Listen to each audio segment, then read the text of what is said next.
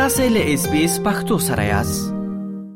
د افغان ټولنې د ملاتړ ډلې د استرالیا د پارلمان ودانۍ مخې ته لاریون په لار اچولې دی دا چې د دغه لاریون موخه څه ده او څو ورځې دوام پیدا کوي د همدغه موضوع په اړه غواړم د یاد ټولنې لمشر مفتاح الدین بابکرخیل سره مرکه تر سره کړم بابکرخیل صاحب ډیره زیاته مننه چې د مرکې لپاره مو وخت راکړ په پیل کې مهرباني وکړئ او زموږ له اوریدونکو سره د لاریون په اړه معلومات شریک کړئ چې دغه لاریون څه وخت پیل شوی او څو ورځې دوام پیدا کوي سلامونه احترامات مجید تاسو نه ډیره مننه او لکه تاسو چې مخکې یادونه وکړه په استرالیا کې د افغان کمیونټي سپورټ ګروپ تقریبا نن دویم ورځ ده چې یو سلیز لاریون په لار چولې ده چې دوه ورځې به نورم دوام وکړي تر پنځشنبه پورې به موږ همدلته یو موخه او هدفونه ډېر مشخص دي موږ د استرالیا د حکومت نه درې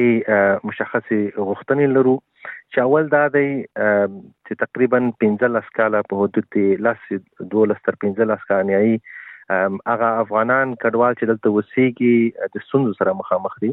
اول خو دی 12000 نفر رجکړي دي په دې کې زیاتره افغانان دي او دویم هدف دا دی چې ټي پی وی یا شیو ویزه چې د درې کلنې او پنځه کلنې ورته وایي دا ورکړل شوې دي چې اکثریت افغانان دي او متاسفانه چې لس کلونه زیات دلته په استرالیا کې اوسېږي خو تقریبا دوی ته هغه نه دی ورکړل شوی دایمي ویزې نه دی ورکړل شوی چې موږ د دولت نه د دایمي ویزو دی غوښتنه کوو دریم هدف دا دی چې هغه افغانان چې د دوی په سپانسرشپ کړی دی یا فامیلونه یې په افغانستان کې بند پاتې شوی دي د هغوی لپاره تقریبا د هر یو اته کاله و کاله منتظر شوی د وطن لری پاتې زمونږ د استرالیا حکومت هم دا غوښتنه ده چې دوی ته باید پاملرنه وشي او هر څه جدي باید د دې غږ واوردل شي او دلته موږ راغلي وو د دې غږ د اوچتولو لپاره د ټولو د افغانانو د غږ اوچتولو لپاره نو موږ به نورم مجلسونه کوو د استرالیا د پارلمان سره نن هم مجلس درلودو خو غواړو چې د کډوالو د وزیر سره وګورو په دې اړه د دې مشکلات تر وزیر او تر کابینې پورې ورسوو دا زموږ هدف وو. بابکرخیل صاحب ستاسو ټولنه خو تقریبا څو میاشتې مخکې په می میاشت کې افتتاح هم شوه غواړم د دغه لاریون د ګډونوالو په اړه لږ جزئیات کرا سره شریک کړئ آیا د دغه لاریون ګډونوال یوازې هغه کسان دي چې لملبون څخه راغلي دي او ستاسو د ټولنې غړي دي که هر څوک او له هر ځای څخه پکې ګډون کړای دی بله د هر ځای نه راغلي د پستلیا کې سیدنی نه ورسره دي د خپل کمبرا نه راسره دي د ملبون نه راسره راغلي دي نور ملګری سبا ته راځي د ټول استرالیا نه په دې اواز کې راسره ملګری دي او ملګرتیا به راسره کوي لکه څنګه تاسو یادونه وکړه زمونږ د کمیونټۍ پرانیستې غونډه تقریبا یو څو میاشتې مخکې شوې ده رسمي ولې تقریبا په حدود د دوه کاله کېږي چې زه ډېر د کمیونټۍ سره په خیریه کارو کې بوخت یم او او دا مې دنده ده د خادمه بابا کرخیل صاحب تاسو په غوښتنو کې لومړی غوښتنه د هغو 12000 پناه غوښتونکو لپاره د چې تاسو ویل رد شوی دي پناه غوښتونکو خو له مختلفو هیوادونو څخه راغلي خلک و یواز د افغانستان نه و خو د غلاریون چې کړای دی دا ټول افغانان دي همداسې ده بله همداسې ده او په دې رد شوی کسانو کې کچې ته فکر وکړي او او لیدلی مو خامخای چې دوه درې ورځې مخته یو راپور خپور شو چې افغانستان او د افغانان وګړي پکې ډیر کم دي چې ته نور هیوادو ته مونږ پاملرنه وکړو وګورو د افغانانو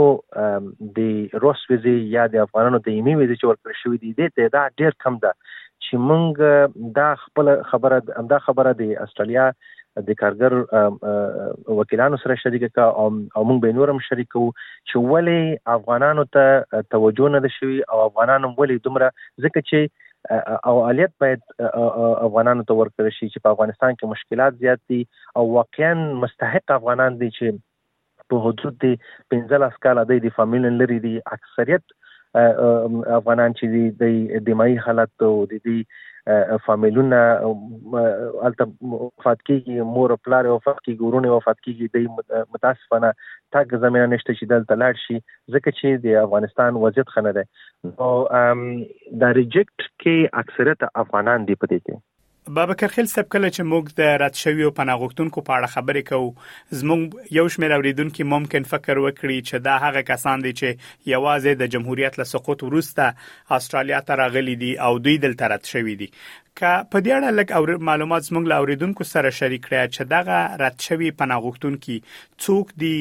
څو وخت مخکې استرالیا ته راغلي و یا له څو کلونو راځي دلته په استرالیا کې ژوند کوي د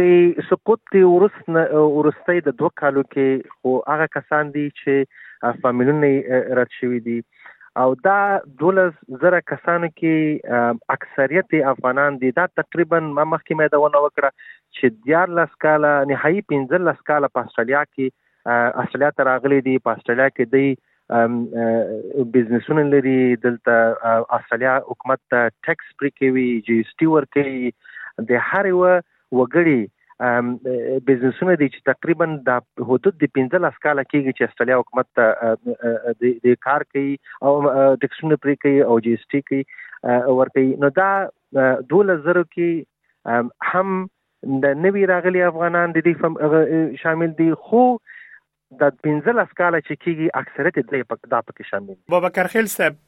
تاسو چې اشاره درلوده چې له تیرو لاسو پنځلسو کلونو راځي یو تعداد په استرالیا کې ژوند کوي او رد شوي دي آیا دا هغه کسان دي چې په بیړۍ یا کشتیو کې راغلي وو هو اکثریت په کشتۍ کې راغلي دي او بعضې داسې ملګري لرو چې هغه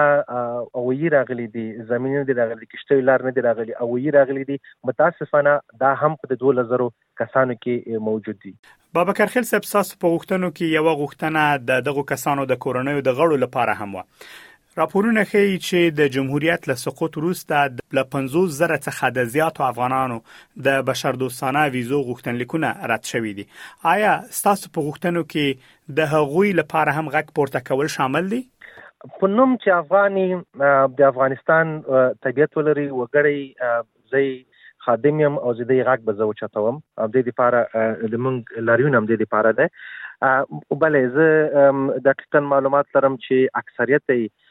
هغه کسان هم رد شوي دي چې په افغانستان کې د استرالیا استرالیانو سره کار کړی خدمت کړی دی او هغه کسان هم رد شوي دي چې په د جمهوریت سره کار کړی دی په جمهوریت کې کار کړی دی واقعا چې هغه د استرالیانو په نگاه چې هغه جنون خلک دي مستحقین دي دا رد شوی دي او نور هم رد کیږي دا زمونږ د دې لپاره مونږ غوچت وچتو چې ولې دا رد کیږي متاسفانه په افغانستان کې داسې خلک بو شته دي چې هغه پاسپورت ونه لري تذکره بو ونه لري مګم مستحقین دي باید هغه ته ورکل شي یا په پاکستان کې استوګند یا په ایران کې استوګند دي په انډونیشیا کې استوګند یا په نور هیوادو کې چې متاسفانه هغه هیوادونه د دایمي استوګنې د دې ته زمينه نشته نو دا رجکشن دي نو د دې لپاره مونږ بالکل غږ اوچتو او دا په دې د مونږ غږ په دې لاریون کې شامل خلک دي بابکر خیل صاحب تاسو په غوښتنو کې چې یو غوښتنه د کورنۍ د غړو لپاره ده په دې اړه یو پښتنه پیدا کیږي چې ولې باید دغه کسان چې د کورنۍ غړي په افغانستان کې دي دوی ولې باید قبول شي ولې باید استرالیا ته راوستل شي ام ګورئ افغانستان کې د انجونو مکتبونه تړل شوي دي متاسفانه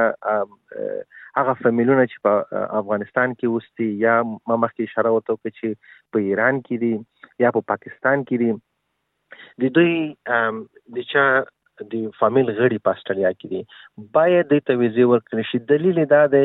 چې هغه د جمهوریت سره کار کړی یا مخکې د استرالیانو سره کار کړی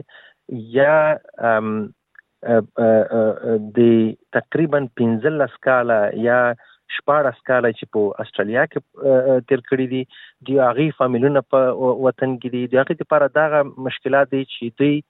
دفامیل غړي په خارج کې دي چې په خارج کې دي د دې لپاره دا غټ پوینټ ته دا غټ یو غده چې خطر غواخت چې د فامیل غړي په خارج کې نو باید استرالیا د استرالیا حکومت دا غي ته جدي توجه وکړي باید توجه ورته وکړي او دا مستحقین دي باید ته ویزه ورکړل شي بابکرخیل صاحب زما ورسته پښتنه دا ده ستاسو لاریون خو